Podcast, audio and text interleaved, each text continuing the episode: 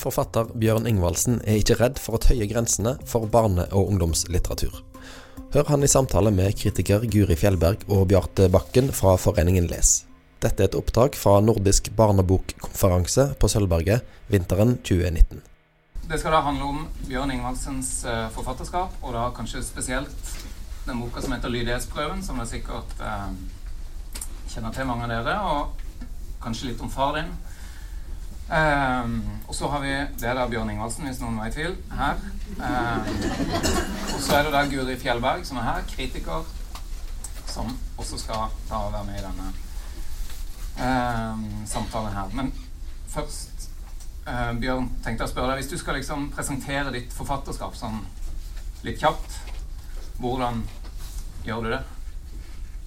Nei, jeg vet ikke. Jeg har ikke lest noen av bøkene. Nei. Nei, mitt forfatterskap eh, det er vel kanskje to parallelle. At uh, det er noen ganske alvorlige, triste, kjipe bøker. Og samtidig har jeg skrevet ganske mye tøysete bøker og hadde gått litt, sånn, litt om en annen. Første uh, barne- jeg skrev, var en alvorlig bok, og så skrev jeg en god del nokså tøysete og tullete bøker. Og så har jeg tatt opp igjen sånn, med visse mellomrom med alvorlige ting.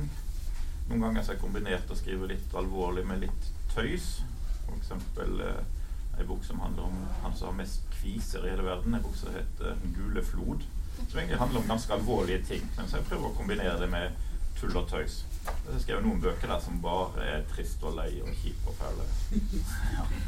Men det er et ganske sånn variert forfatterskap. da jeg slo på Wikipedia der var det litt uh, det, det, burde stått mye mer, men der sto det uh, Han har blant annet, det det han har blant annet skrevet en rekke humoristiske bøker. Da. Men det syns jeg er også urettferdig overfor ditt forfatterskap, som jeg tenker er så variert og rikt, egentlig. Da. Men at kanskje mange tenker på det som at du med disse tøysete Den sida av forfatterskapet ditt, da.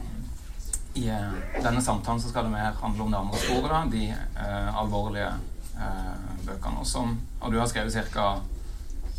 60 bøker. Sånn. Ca. 60 bøker, ja. ja smått og stort. Ja. ja. Det er jo. En god del veldig smått, altså. veldig små Fotballbøker. Ja. ja. Eh, men uansett, ja, du debuterte med 'Stolpesko', som var en ganske alvorlig bok. Og man kan si, du får protestere deg, at disse bøkene her liksom er i den retninga der. ikke sant? At du begynte med 'Stolpesko', og så har det liksom blitt flere, og de kan minne litt om hverandre ja. på ulikt vis. Uh, jeg tenker også at det kanskje folk ble sånn virkelig liksom, oppmerksom på dette her, kanskje med far din, som ble nominert til Nordisk rådspris, og så kom det Lydighetsprøven, eh, som ble nominert til Kulturdepartementets pris, og da U-prisen, Årets ungdomsbok, og Bokslukerprisen. Eh, som er en pris eh, hvor eh, barn på mellomtrinnet eh, kårer sin favoritt.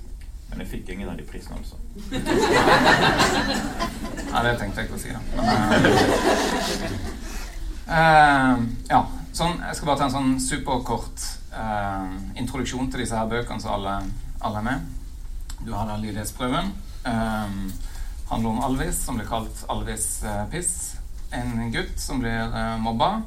Han leker med de som er litt yngre enn han, og han blir kanskje utnytta av de som er eldre enn han til f.eks. å stjele øl. Um, og så har han ei Eller han har ei mor, og de flytter sammen da med en stefar, Duncan, Duncan, som slår. Og så går det fryktelig galt til slutt. Um, han blir da slått i hjel. Det ligger liksom uh, Ja. Og så er det da far din, uh, som, har, som handler om Leo, også en gutt. Um, han boka begynner med at faren til Leo blir arrestert, og så viser det seg at faren eh, er en eh, tyv. Han har stjålet ting fra eh, alle i nabolaget omtrent. Og så handler det om eh, livet til Leo og mora etter dette her, og hvordan eh, lokalsamfunnet egentlig reagerer. Og, ja, og alt er sett fra Leo og Alvis sitt perspektiv. Uh, hvordan vil du da eh, beskrive disse her bøkene? Dette var bare handlingsreferatet. da, men liksom hvordan vil du beskrive disse bøkene? Nei, De handler jo definitivt om uh, livets tunge og vanskelige sider og de triste tingene som skjer. Og Dessverre så er det jo sånn at i mange ungers liv så skjer det triste ting. Som, alle opplever jo triste ting. Selvfølgelig. Noen opplever tyngre og vanskeligere ting enn andre. Og Alvis i uh, lydighetsprøven, han går det jo sånn virkelig galt for. Og det skjer sånne ting, altså. Sånn, dessverre så gjør det det. Og det er flere tusen unger hvert år som opplever at en av foreldrene sitter i fengsel. Det også skjer. Noen sitter i fengsel fordi de har kjørt i fylla. Noen sitter i fengsel fordi de har voldtatt noen. Det, og de har barn, de har familie. Folk har gjort de mest forferdelige ting. De har familie, og det er alltid noen det går utover. Så det er vel eh, kanskje det som er selve grunntanken i bøkene. At det, det finnes folk som har det vanskelig, og det er det jeg prøver å, eh, å fortelle om. Og når jeg skrev den boka, 'Lydighetsprøven', så kanskje litt for, for, fint å si at man ble inspirert. Men jeg var med mot på Østlandet et sted på en åpning av utstilling som heter 'Hvis klær kan fortelle'. En utstilling som har gått mange steder, sikkert mange som har sett den. Der det henger klesplagg som, og, som har tilhørt unger, og så forteller man historien om eh, de ungene. Og en av de klesplaggene som ble vist fram der, var jakka til en Kristoffer. Dere husker sikkert den saken. og det er noen unger som får navnet sitt med sånn bindestrek 'saken'. Ole-saken og Kari-saken, eller altså dette da, konkrete Kristoffer-saken. Som gjorde at det kom i tanker som ble til den eh, boka. Men det handler absolutt ikke om den saken, da. Og jeg vet jo ikke mer enn det som har stått i avis om den saken. Men jeg har liksom prøvd å sette meg inn i hvordan har man det når man opplever så fæle ting. Og det er litt det samme jeg har gjort i uh, den boka som heter 'Far din' også. Og prøve å sette meg inn i uh, liksom, hvordan oppleves det for en familie. Og akkurat der så hadde jeg òg litt sånn erfaringsbakgrunn jeg kunne bruke når jeg skrev boka. Mm. Så ganske mye av de sånn, litt triste tingene jeg har skrevet om, er ting som kanskje til dels har skjedd, og til dels har egne erfaringer. Nei. Altså du kommer fra virkeligheten? på en måte. da. Based on a true story, som det står på filmen. Ja. ja. Eh, men er det, er det, sånn at når du f.eks. går og ser på de klærne til, på den utstillinga til Kristoffer, tenker du at du får et sånn engasjement for den tematikken, eller er at du ser noe sånn litterært, at her kan man skape noe Kanskje litt kynisk å si, da. Litteratur av det, da, på en måte? Eh, nei, ikke det å si den, den kyniske siden av det. Det er mer eh, ja, alle blir jo sinte når de ja. hører sånn historie. Men òg tanke på hva gjør at folk blir så sinte at du kan få seg til å sparke i hjel en eh, litt tilbakestående elleveåring? Hvorfor gjør man det? Og når man er liten og sitter i, i sandkassa, så kan man bli så sint at man deljer til kompisen eller lillesøster i hodet med en plastspade. Og så springer vedkommende grinende inn til mamma. Men når man blir voksen, og blir like sint og deljer til naboen med hakka eller spaden. Og så risikerer man at vedkommende dør. Sant? Sånn at eh, sinne har man, men man, eh, de fleste lærer å beherske sinnet, begrense seg. At man eh, skjeller hverandre ut eller skriver stygge ting på Facebook. Men eh, sinnet er det hos alle, og for noe er det ukontrollerbart. Og eh, akkurat det tror jeg kanskje det, det den boka egentlig handler om. Liksom. Så du er nysgjerrig på den måten å bruke ja, skjønnlitteraturen til? Ja. Prøve å utforske det overfor meg sjøl, og kanskje stille meg sjøl noen spørsmål så er det litt ubehagelig, og så prøve å svare på de gjennom boka. Mm. Kunne du gjort det? Nei. Du kan spørre hvem som helst der. Kunne, kunne dere gjort det? Kunne dere slått i hjel en person fordi de er sinne? Alle vil jo si nei, men det er jo noen som gjør det. Det er ikke fordi at man hadde tenkt å gjøre det fordi at man hadde planlagt at det skulle være slem, men noe får noen til å trigge så mye. Mm, men du har skrevet voksenbøker òg, da. Ja. Du kunne gjort dette som ei voksenbok òg, da. Hvorfor ble det barnebok? Det er bare blitt det sånn. Nei, det, det, vet jeg ikke. Og eh, jeg har jo skrevet om han vonde temaer i voksenbøker og, og sånne folk som dør og sånne fæle ting. Men eh, det blir jo kanskje på en litt annen måte likevel. I og med at jeg prøver å sette meg inn i hodet til en 10-11-12-åring og skrive ut fra det, så syns jeg at det er ganske naturlig at boka også blir skrevet til de som er på den alderen. Sånn, da kunne kanskje skrevet fra en tolvåringsperspektiv ei voksenbok, men det hadde jo blitt en helt annen uh, måte å skrive på allikevel. Jeg tror kanskje ikke det er jeg som skal gjøre det. Nei, takk og lov for at det ble barnebok, vil jeg si. Eh, for det, det, er et tema som angår barn. Altså at barn opplever eh, brutalitet. Særlig hjemme i sitt eget hjem. Det er jo underkommunisert. Og at noen kaster lys på det, det angår helt klart barn. Mm. Um, ja. Guri? Uh, du er da en kritiker, men du har også vært uh, ute i mange skoleklasser og møtt barn og ungdom som uh, leser og har lest disse bøkene her. Um, så derfor i dag så er du litt kritiker, og så er du litt formidler. Og kanskje litt Guri òg. Men hvis du skal liksom sette dette her inn i, om ikke sånn litteraturhistorisk, men eller i en sånn sammenheng, da, hvor kommer denne, disse bøkene her? Hvordan vil du plassere dem? For de har, jo, de har jo blitt lansert som noe ganske nytt. Altså at du tar oss med til temaer som ikke har vært belyst så mye før Eh, de bøkene som har vært lagd om å ha foreldre i fengsel, om å oppleve vold i hjemmet, de blir fort pedagogiske. Så at dette her er eh, ganske sånn kompromissløs kunst, vil jeg tenke. Eh, helt i den andre enden av skalaen fra pedagogikken. Men når jeg så litt nærmere på det, så så jeg at eh, lydighetsprøven den kan vi trekke tilbake altså, til starten på barnelitteraturen. Og dette fantastiske biblioteket har altså originalutgaven av Rasmus Løland sin På sjølstyr fra 1892. Er det noen studenter der ute, så syns jeg de kan gjøre en sammenligning mellom På sjølstyr og lydighetsprøven. Her er det altså Christian, eh, fattiggutten Christian, ni år, som er hovedpersonen. Følger han kjempetett. Denne fattiggutten blir venn med en rikmannssønn. Så leker de så havner en av guttene i elva. De har jo lekt og bytta hodeplagg, så alle i bygda tror det er rikmannssønnen som har falt i elva. Og det er liksom side opp og side ned hvordan bygda da engasjerer seg for å redde han opp av elva. Og så oppdager de at det bare er fattiggutten de har redda opp. Og da, Den følelsen du får da, er veldig lik den følelsen jeg får når jeg leser lydighetsprøven.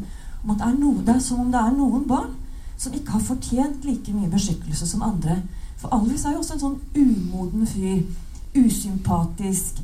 Han er Når jeg er, har diskutert den i klasserom, så er det jo en god del av leserne som reagerer på han, og han der vil ikke de ha noe med å gjøre. Altså det, det er en bok du enten elsker eller hater. Altså han, han, er Alvis. Den taperen der vil ikke de ha noe med å gjøre. Og det er gjerne helteleserne. For det du gjør, det er at du gir hovedpersonen større problemer enn han klarer å løse sjøl. Og det gjør det ganske utfordrende for en helteleser. Og dette, nå snakker vi den leseutviklingen som Appleyard har lært oss. At vi, at, vi, vil utvikle oss derfra til en mer reflektert leser etter hvert. Men eh, vi som kanskje er litt mer sånn Astrid Lindgrens-fansen og husker det kompetente barnet, de som alltid klarer å ordne opp sjøl, de får noe å bryne seg på her. Mm. Vi kommer mer tilbake til dette her. Men du, du mener altså at dette er sånn den type litteratur, da, sosialrealisme, dette er liksom noe som går langt tilbake, og som eh, Altså, Den går helt kan... tilbake til starten, helt fra vi kvitta oss med moralfortellingen. altså det der, eh, Hvis du vasker deg bak ørene, så kommer du til himmelen. Ja, eh, og, og, til den ja, men til at forfatterne tok side for barnet. Sympatien for barnet. Det utsatte barnet. Det har vært der siden da. Eh, 1890-tallet. Dere husker 'Berra en hund'? Per det? Da er vi helt, helt i starten på denne typen litteratur. Så du mener egentlig at forlag ikke burde bli noe sjokkert når de får lydighetsprøven? Nei, det der å gi ut en bok hvor undertittelen er større enn hovedtittelen, har jeg aldri vært med på før. Og det er jo, Vi pleier å ha sånn avstemning i klasserommet da, når, når, det er liksom finalistene til U-prisen, og så gir man, stemmer man på forsidene. Og det er noen, det fins én eh, eller to da, i de klassene jeg har testa ut, som syns at det er den beste. For den sier ingenting. Og det er ganske spennende. Så det er sånne, sånne elever som er nysgjerrige på absolutt alt. De blir trigga av den uh, sida der. Vi, ja, vi må ta litt i du, uh, Vi må ta det i riktig rekkefølge her. For vi må ta litt sånn historien til den forsida til den boka. Da. Når du sendte inn lydighetsprøven, altså manus, til forlaget, hva Åssen reaksjon fikk du da? Eh, det ble jo tatt godt imot, selvfølgelig. Hos Norges beste forlag. Men eh, Gyldendal, ja. men eh, det var vel litt problematisk hvilken aldersgruppe den skulle sendes ut til. For jeg har jo tenkt det samme. Min største målgruppe er 10-12 år. Og de tenkte vel kanskje at det, det var litt heftig for den aldersgruppa. Men tenkte du alltid den når du skrev, eller når du Jeg tenker ikke sitte og tenke at dette her er for de som er 11 15 år. og sånt. Det gjør jeg ikke, men eh, Bare de som er 11 ja, Men jeg har liksom litt sånn uh, tommelfingerregel sånn langt bak i hodet at uh, den er fordi den alderen som boka handler om. Så hvis den handler om en 11-åring, så tenker jeg at den er kanskje skrevet for 11-åringer òg. Men uh, de følte jo kanskje at det var mer egnet for litt eldre ungdommer. Mhm. Og så ble det sånn litt sånn kompromiss, da, at eh, den ble lansert, markedsført for de yng litt yngre, men at den skulle se ut som den var for de litt eldre. Ok, så den Så den forsida er liksom fordi ungdom liker den type forsider? Var det, er det Gyldendals uh, ungdomsseksjon? eller, er det liksom, eller er det noe annet som ligger Nei, det ligger kanskje litt i kortene sånn eh, sånn sigarettpakke nå for tiden. sånn at Du skal ikke vite hvilken type sigaretter det er, men du skal ha bilde av lungekreft. Det er jo litt sånn, og Jeg får litt sånn assosiasjoner til eh, fjoseposene. som jeg Kanskje husker fra 70-tallet. Og, og Vinmonopolet de måtte ha sånne nøytrale lysegrå poser, sånn at folk ikke skulle skjønne at folk hadde på, hadde alkohol oppi det. Så skjønte alle det? Ja, vi hadde en sosialminister fra Kristelig Folkeparti den gangen. Og selvfølgelig alle så kjente jo igjen en polpose, selv om den var lysegrå og ikke det sto Vinmonopolet på den. Fjosepose ble jo et begrep, og jeg får jo litt den følelsen. Men eh, nei, den konkrete tankegangen var at eh, de som har lest noen av de tøysete bøkene mine, lest sånn Espen Herbert eller Elias og bestemor, og sånne ting eksploderer, og alt er bare tull og tøys, at ikke vi skal gå på biblioteket og så si å, at det der er bok fra samme forfatter, den er sikkert morsom. Og så gå hjem og så forvente å få seg en skikkelig latterkul, og så handler den bare om djevelskap. Sånn at man skulle liksom føle litt sånn at det, dette her er en annen type bøker. En annen type bøker. Ja. Men du er jo så etablert som humorforfatter der ute blant leserne, så det er ikke en helt fremmed tanke, det. Altså at, eh, for det er jo veldig mange av bokleserne på mellomtrinnet som ikke kan altså husker navnet på forfatteren så lett, men ditt navn tror jeg er blant de navnene de kan. Uh, og det å starte på en bok med feil forventning, det er jo det er det verste som kan skje. Så jeg skjønner jo at, eh, at forlaget prøver, og jeg syns kanskje ikke resultatet var så veldig heldig, men, men Ja, hva tenkte du da, som krit, når du så den for første gang, da? Hvis du klarer å spole tilbake, hva tenkte du som Hjelp. Du ble redd? Ja, ja, men, jeg, ja, men jeg tenkte, ja, men jeg tenker jo det at, eh, at altså det, er en, det er en helt stor diskusjon, altså forsider, og hvor vanskelig det er å formidle bøker. Eh, fordi at eh, jeg syns ikke det legges nok arbeid i forsidene generelt. Men, men det, det er en annen diskusjon. Men, eh, men det å, å løse et problem på den måten altså Det hadde vært så mange andre mer attraktive måter å løse det dilemmaet på. da, Å få leserne til å stille med rett forventning til den boka. For når vi var på Forening Les, vi av og til ute på disse forlagene og får presentert bøker, da, eh, hva som kommer og sånn, og da når vi snakka med Gyldendal-redaktøren, så var det litt sånn Å, det er sånn fantastisk bok, og vi gråt, men vi vet ikke hva vi skal gjøre med den boka. Jeg fikk liksom inntrykk av at vi ikke visste liksom hvem skal vi gi den ut for, hvordan skal vi gjøre dette her, hvordan skal vi ikke skremme vekk noen, ingen skal bli redde, ingen skal få traumer. Eh, men vi vil ha det ut. Men det var, sånn virka som de var ganske forvirra. Og så var det for eh, Fikk vi det mm, presentert som det var, en sånn mellomtrinnsbok. Men når den kom ut, da Det er litt dette her med U-prisen og Bokslukerprisen. Da hadde den da hadde vi bestemt oss for liksom å ta sjansen og putte den inn i Botslukerprisen. At den skulle få være med der. Mellomtrinnet. Og så på høsten så plutselig var vi inne på Gyldendals side, og så sto det at den var i ungdomsbok. Da Da hadde han kommet ut der. da Kanskje han har gått tilbake igjen. Kanskje han Kanskje billedbok, da. Jeg vet ikke. Men eh, Og da kom den inn på U-prisen igjen, da, så da ble den liksom i alle Så vi ble litt forvirra av det vi gjør, da. Eh, så der, det er historien bak at det kom. Eh. Kanskje bare det ikke ble en grafisk roman, da. Men så har du også skrevet en sånn, eh, et forord da, med en slags sånn advarsel. Mm. Var det du som tenkte du skulle gjøre det? Sendte du det inn med en gang, eller var det forlaget, eller Det var vel forlaget som tok initiativet til det, ja. At Ja. det burde være et forord der. Og du var med på det, eller ble du tvunget? Ja. Ja, nei, jeg har gjort det. jeg ja. ja. Fikk litt vondt i armen, men ja. Ja, for jeg tenker det er sånn, Når man snakker med barne- og ungdomsbokforfatter, så er det liksom det man har kjempa for hele tida, at man ikke skal skrive advarsler. på en måte At litteratur skal få være litteratur. De skal ta opp alle temaer. Og så kommer det en bok som egentlig alle syns er utrolig god. Da, og så Ja, men men det var litt vondt å skrive det, eller var det, eller var det en ny sjanger du likte? når du var tolv år, hvis noen advarte deg mot å lese en bok, hva hadde du gjort da?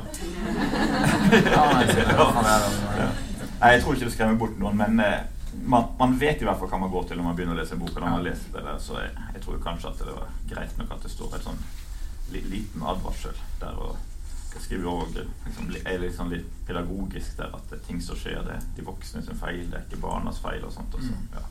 Så skjønner barna det, og da Ja. tror jeg kanskje de takler boka kanskje litt bedre enn hvis du skulle komme uforvarende opp i dette. Ja. Mm.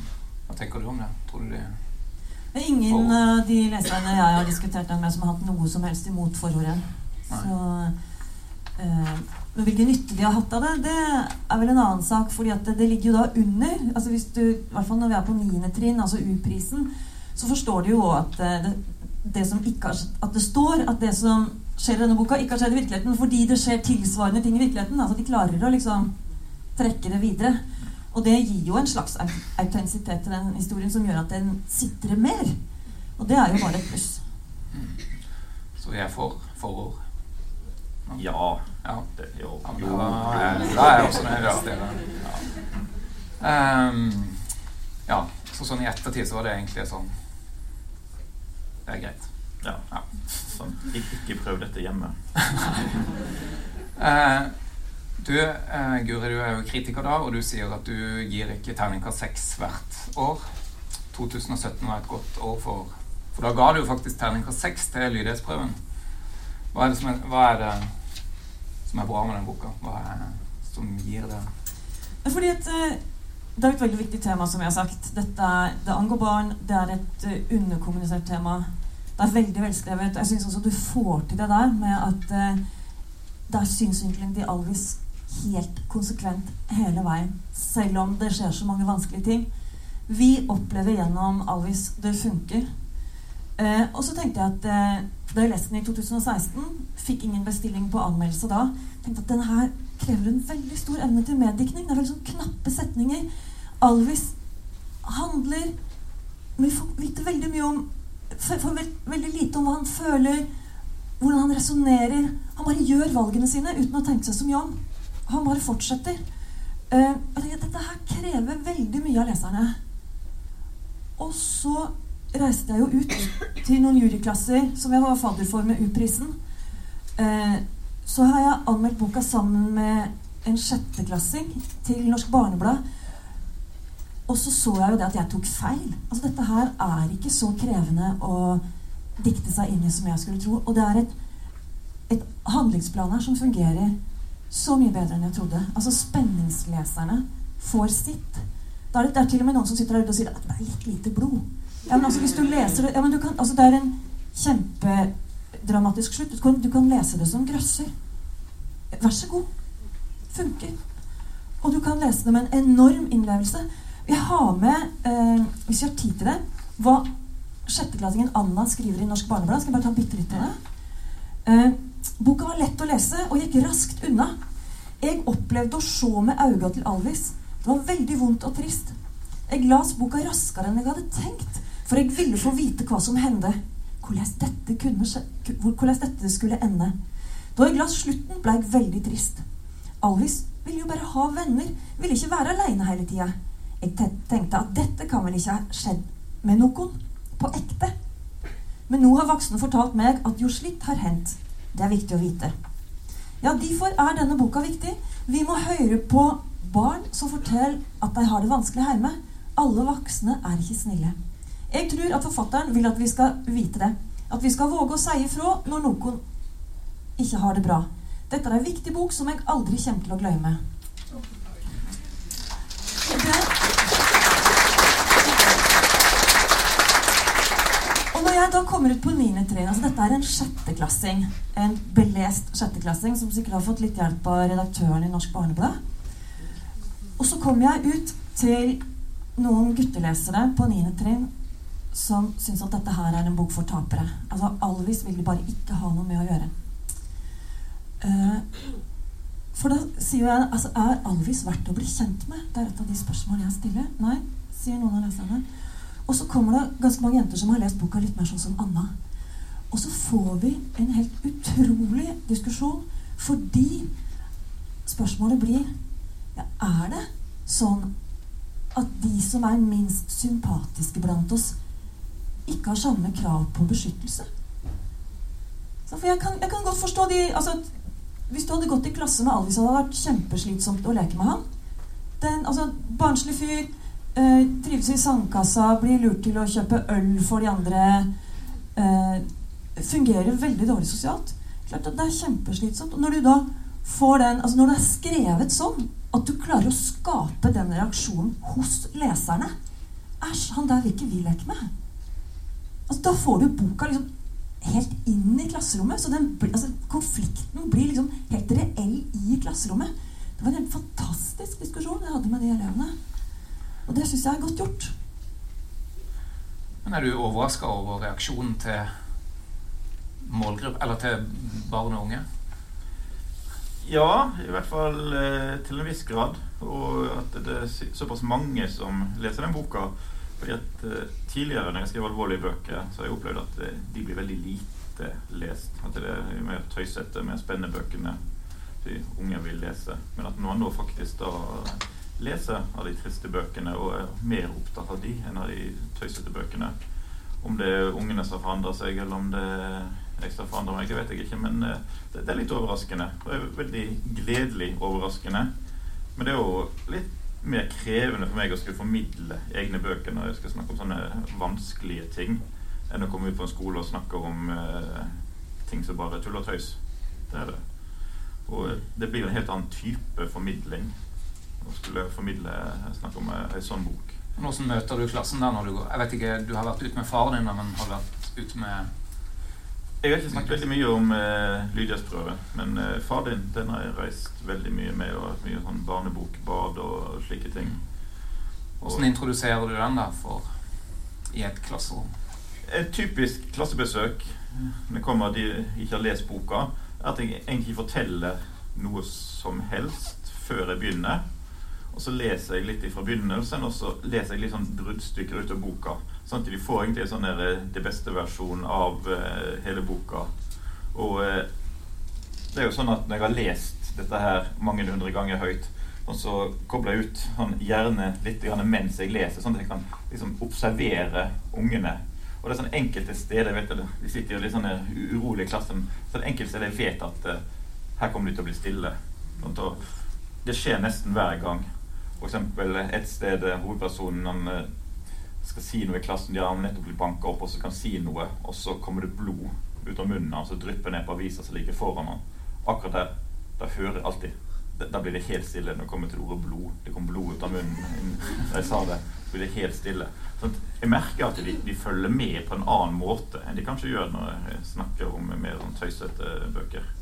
Men har du fått noen sånne sterke reaksjoner i klasserommet da på at det er noen som For det er jo liksom alle formidlere eller lærere er sånn redd for at noen skal Hvis det er noen der som blir slått, da, f.eks., eller har en far i fengsel, så skal de bli jeg, jeg ikke akkurat den typen reaksjon. men det er ikke så lenge siden jeg var i en klasse. Det var en plutselig en som reiste seg og gikk brått ut. Og så kom han etterpå og fortalte meg at han, han, han tålte så lite blod, så han kom til ordet blod. Så sprang, sprang kvalm, og da måtte han gå ut. Det var en litt annen type reaksjon da. Nei, men det hender av og til at uh, lærerne advarer meg eller forteller meg at det sitter en i klassen som har en uh, far som er i fengsel. Sant? Og nå skal jeg sitte ved siden av han, og så kan vi gå ut hvis det blir for sterkt for han. Så skjønner jeg ofte hvem det er. Og, mm. og denne faren i boka han kom i fengsel fordi han stjal sykler og poengsmotorer. Og det finnes atskillig verre ting fedre kom i fengsel for enn å ha, ha stjålet poengsmotorer. altså. Mm. Så det kan være litt sterkt. og eh, jeg tilpasser jo kanskje formidlingen litt grann, eh, hvis jeg vet at det er noen, noen som har en slik situasjon. Iallfall når jeg snakker om å besøke far eller mor i fengsel. og sånt. Den biten tar jeg kanskje å kutte ut hvis jeg vet at det er noen som er i den situasjonen sjøl. Mm. Ja. Altså, jeg blir litt matt av lærere noen ganger på det at altså, Når jeg kommer og skal snakke om litt spesielle temaer, teste ut bøker og sånn, at de, at de reagerer nesten som om Altså de elevene som allerede blir slått hjemme. Hva er verst? Mm, bli slått hjemme eller å få lest en bok om å bli slått hjemme? Altså, altså Som om det, er, det kan likestilles. Og det er jo en slags sånn uvilje mot å ta det her alvoret inn over seg. Dette her er hverdagen til norske barn. Slapp av, og nå skal vi lese en bok om det. Jeg intervjua Kari Sånum for norsklærerne. Hun har skrevet en sånn trilogi om ei jente på ungdomsskolen som heter Kaja, og som eh, har en alkoholisert far. Og hun hadde vært på flere klassebesøk hvor det ble et sånn Det at hun bare leste høyt fra den boka, åpna et sånn rom for at folk begynte å snakke om alt som var vanskelig hjemme. da. Ikke det var noen som gikk ut der òg, men de kom inn igjen. Da, fordi klart, endelig var det et sted hvor man kunne snakke om dette her. Så litteraturen, selv om alle lærerne var livredde for dette her, så åpna litteraturen et rom som ikke har vært åpent. Og det ble, ja, det forandra mye, da. Eivind Myklebust han forklarer litt om hva det er som gjør det så vanskelig for oss voksne da, i denne uh, anmeldelsen sin av far din for uh, barnebokkritikk så er det en setning der som jeg Oi, beit meg merke i. Nå går det litt mye papir rundt omkring her. Skal vi se Her. Sjøl om den svært lite sjølhevdende reaksjonen hans på eit vis er et håp for leseren, dette at en stødig og, selv, eh, at en stødig og sindig fyr sier Dette er en stødig og sindig fyr, sier jeg til meg sjøl. Så er det vanskelig å ikke uroe seg for hvor djupt disse hendelsene egentlig preger han, og hvordan de kommer til å komme tilbake til overflata en dag. Altså det at vi hele tiden som voksne vi tenker konsekvens. Altså hvordan det som skjer deg når du er liten, vil prege deg. Så det at uh, mor og, uh, og Leo her blir pressa fra skanse til skanse etter at pappa kommer i fengsel, og blir frosset ut av det samfunnet og nærmest drevet på flukt. Sånn, hvordan det vil prege han seinere. Mens barneleserne er jo mye mer opptatt av hvordan de klarer seg her og nå. Hvordan går det i morgen? Det er ikke det der lange perspektivet som vi eh, strever med som voksne. Mm. Litt videre det. En ting jeg lurer på, det er hvor langt kan du gå i fiksjonen? da? Eh, noen eksempler der. Torvald Steen skrev noen voksenbøker for en stund siden om selvbiografiske bøker. da. Han hopper på ski, han har en sykdom, og så i boka så brekker han et bein i eh, bunnen av hoppbakken der. Og så sier han sjøl at han kunne ikke brekke begge veier. I virkeligheten så brakk han begge veiene, men det kunne han ikke gjøre, gjøre i boka, for da var det ingen som hadde trodd på det. Du drar jo disse bøkene ganske langt på en måte, da, men hvor, hvor langt kan du dra det, liksom? For at eh... Hadde jeg som skrev om det, så hadde han brukt begaren min òg, så Nei, er det noen grenser for hvor langt man kan dra det hvis man skal skrive om virkeligheten? Hvor, hvor drøy kan virkeligheten være? Sant? Det kommer an på hva man skal skrive om, og med hvor realistisk man vil være. Men dette er jo det samme ungene som sitter og ser Game of Thrones og slike ting eh, rett etter de har lest en bok. Jeg tror ikke det er noe som er for drøyt for uh, unger.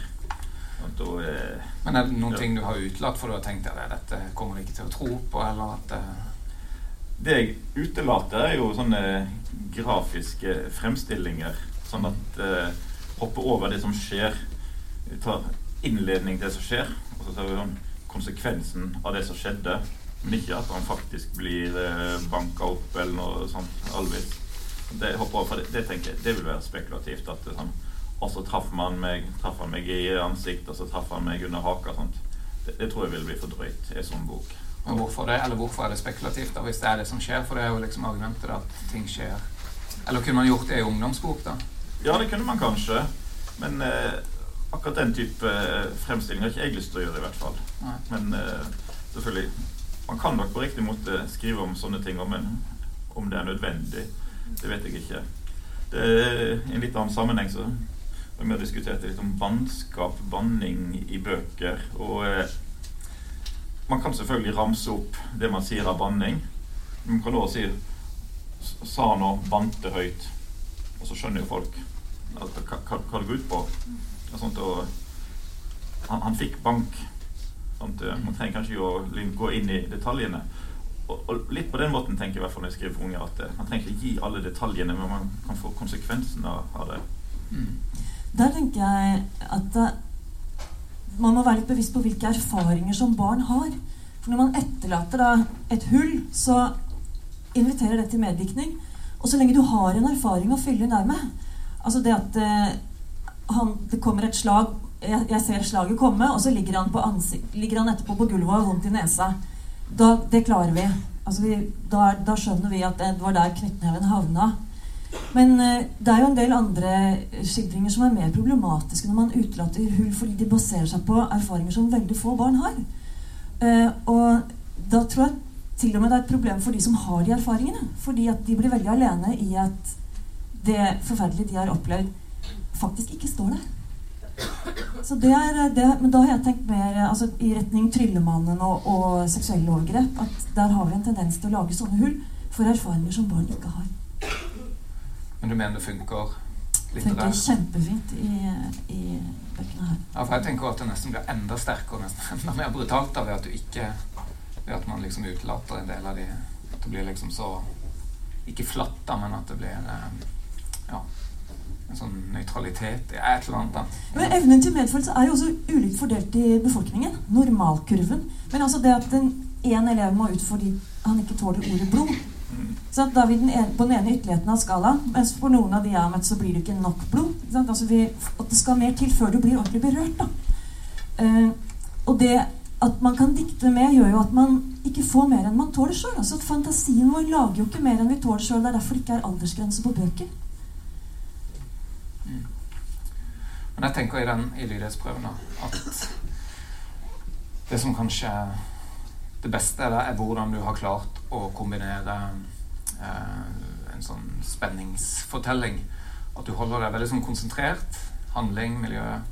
Det er den jeg-fortelleren som er helt sånn kompromissløs. da, Så jeg tenker sånn litterært sett veldig godt. Er du ikke enig i det? At det eh, samtidig som du klarer å få altså, ganske unge lesere da, til å reflektere og tenke.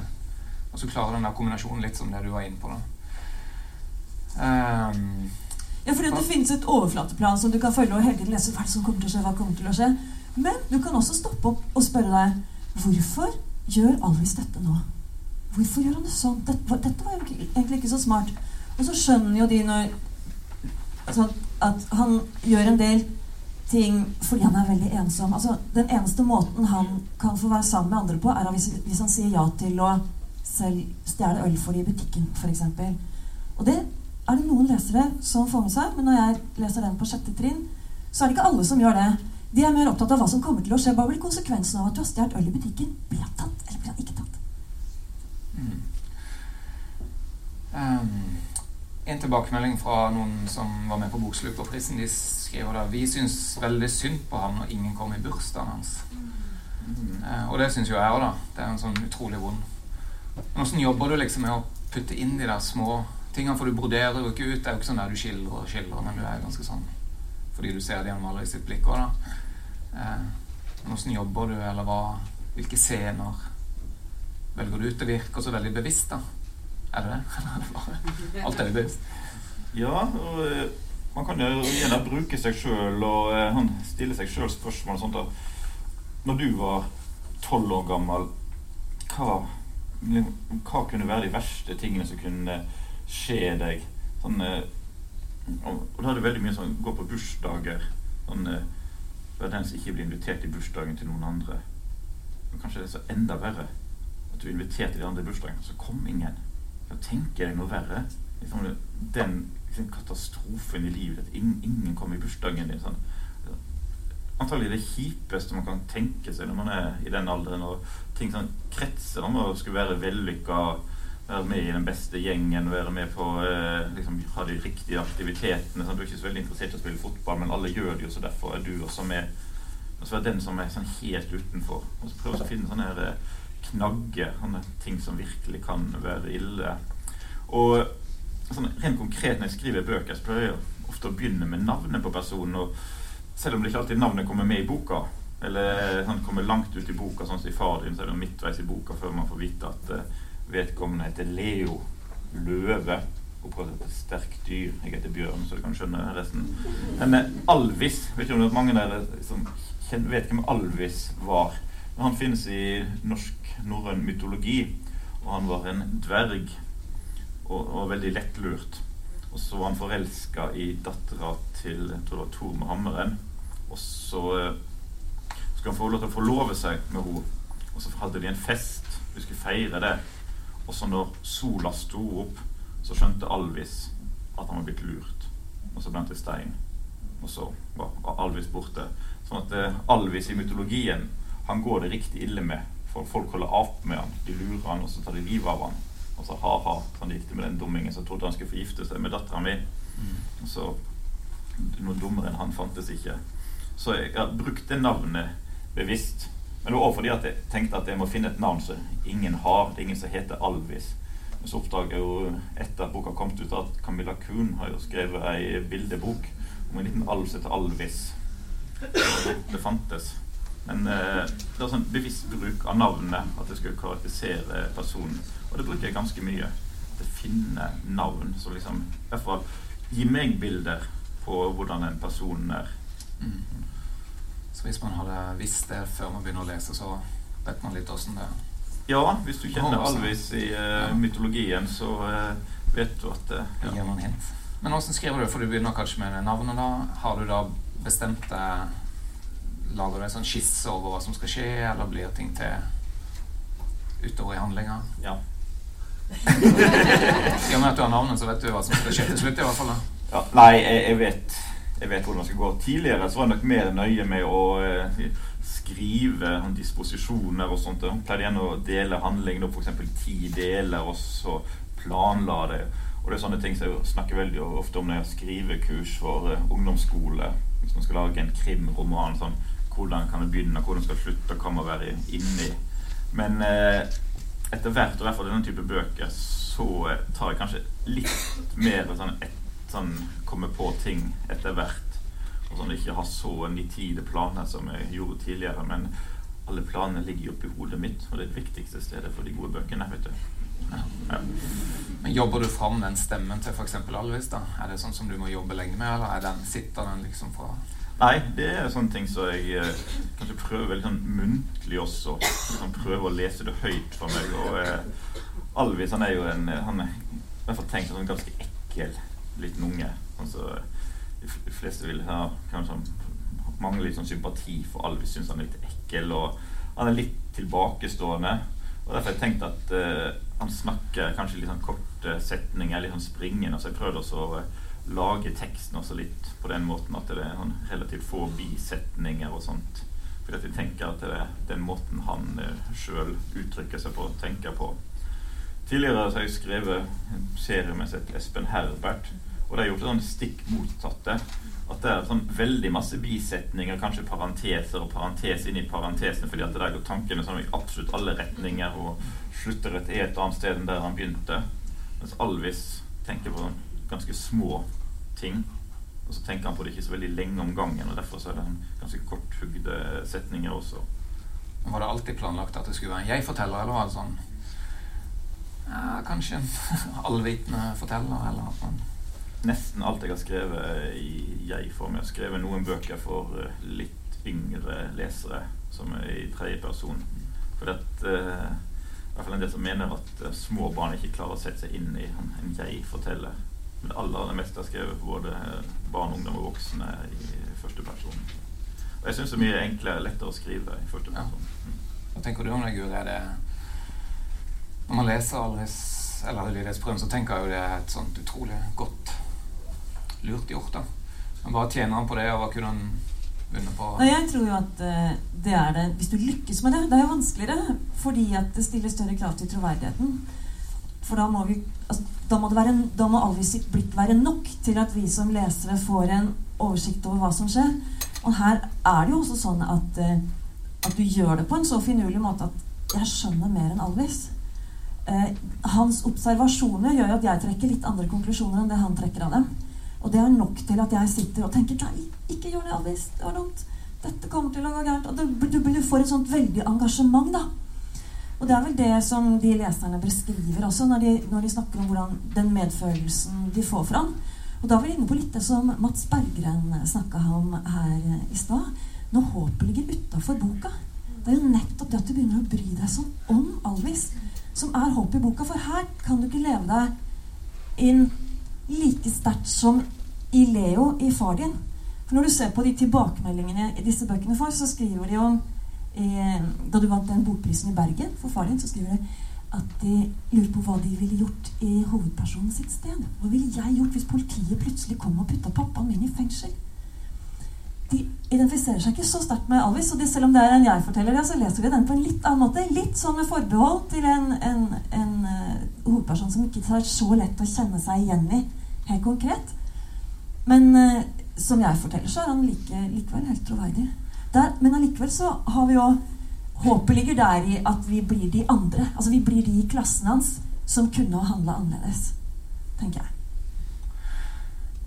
Nå som jeg har lest eh, disse bøkene, og så flere av de i denne, som er dette liksom, sporet av forfatterskapet ditt, så slår det meg at disse guttene er veldig sånn, sånn sterke alle sammen på en eller annen måte. Da. De gir seg liksom ikke, sånn som i faren din, så Ok, han blir mobba, han blir liksom støtt ut, men han går på skolen, da.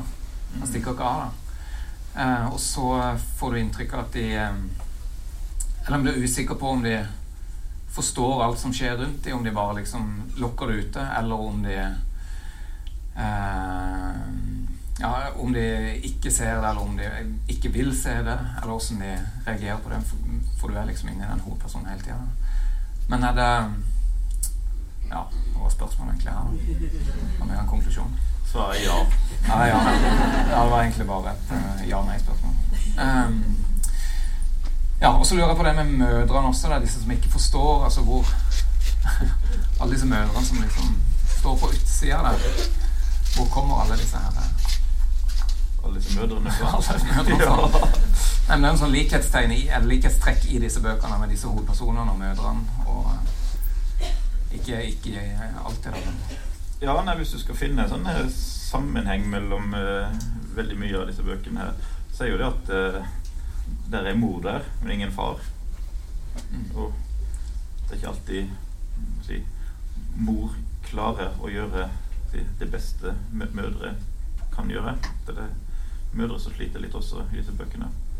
For mange av de. Ja. Så hvor de kommer fra ja. Nei, Stine. Sånn. Men det er kanskje en bok i seg sjøl. Ja. Og igjen kanskje litt sånn based on a true story, uten at jeg skal trekke den for langt. Men er du frista til å skrive noe om de også, egentlig? da? Fordi du er så inne i Du ser alt fra Alice og Leo sitt, uh, sin synsvinkel. Og så er det utrolig mange interessante karakterer rundt dem da, som ikke kommer til orde fordi du har valgt den mm. synsvinkelen. Ja, nei, mora til Alvis kunne sikkert vært, vært ei bok med hvor faren til Alvis er, om han har noen gang vært i bildet. Sant? Det, det sies jo ingenting om. Men med mora som kanskje hadde tenkt seg et annet liv. Eh, hun er aleine. Har kanskje en uh, litt krevende, litt som uh, dårlig betalt jobb. Og så har hun én unge og som oppdager er litt tilbakestående. Eller kanskje ganske tilbakestående. Og, liksom, og det livet hun fikk hun, Hennes egen mor døde relativt nylig. Mm. Mormora som Alvis besøker grava til. Og så treffer hun en mann. Hun skjønner at det var ikke drømmemannen, men da når han hun traff mm. Hva burde hun gjort annerledes? Det er jo sånn en, en, historie man kunne ha skrevet, men det jo blitt en helt annen bok. Og antagelig ikke barnebok, da. Nei. Nei. Ungdomsbok. Ungdomsbok, ja. ja eh, tida har gått. Vi er på overtid, så um, det er for sikkert overtidsbetaling. Men vi må avslutte. Takk. Det var kjekt å være med.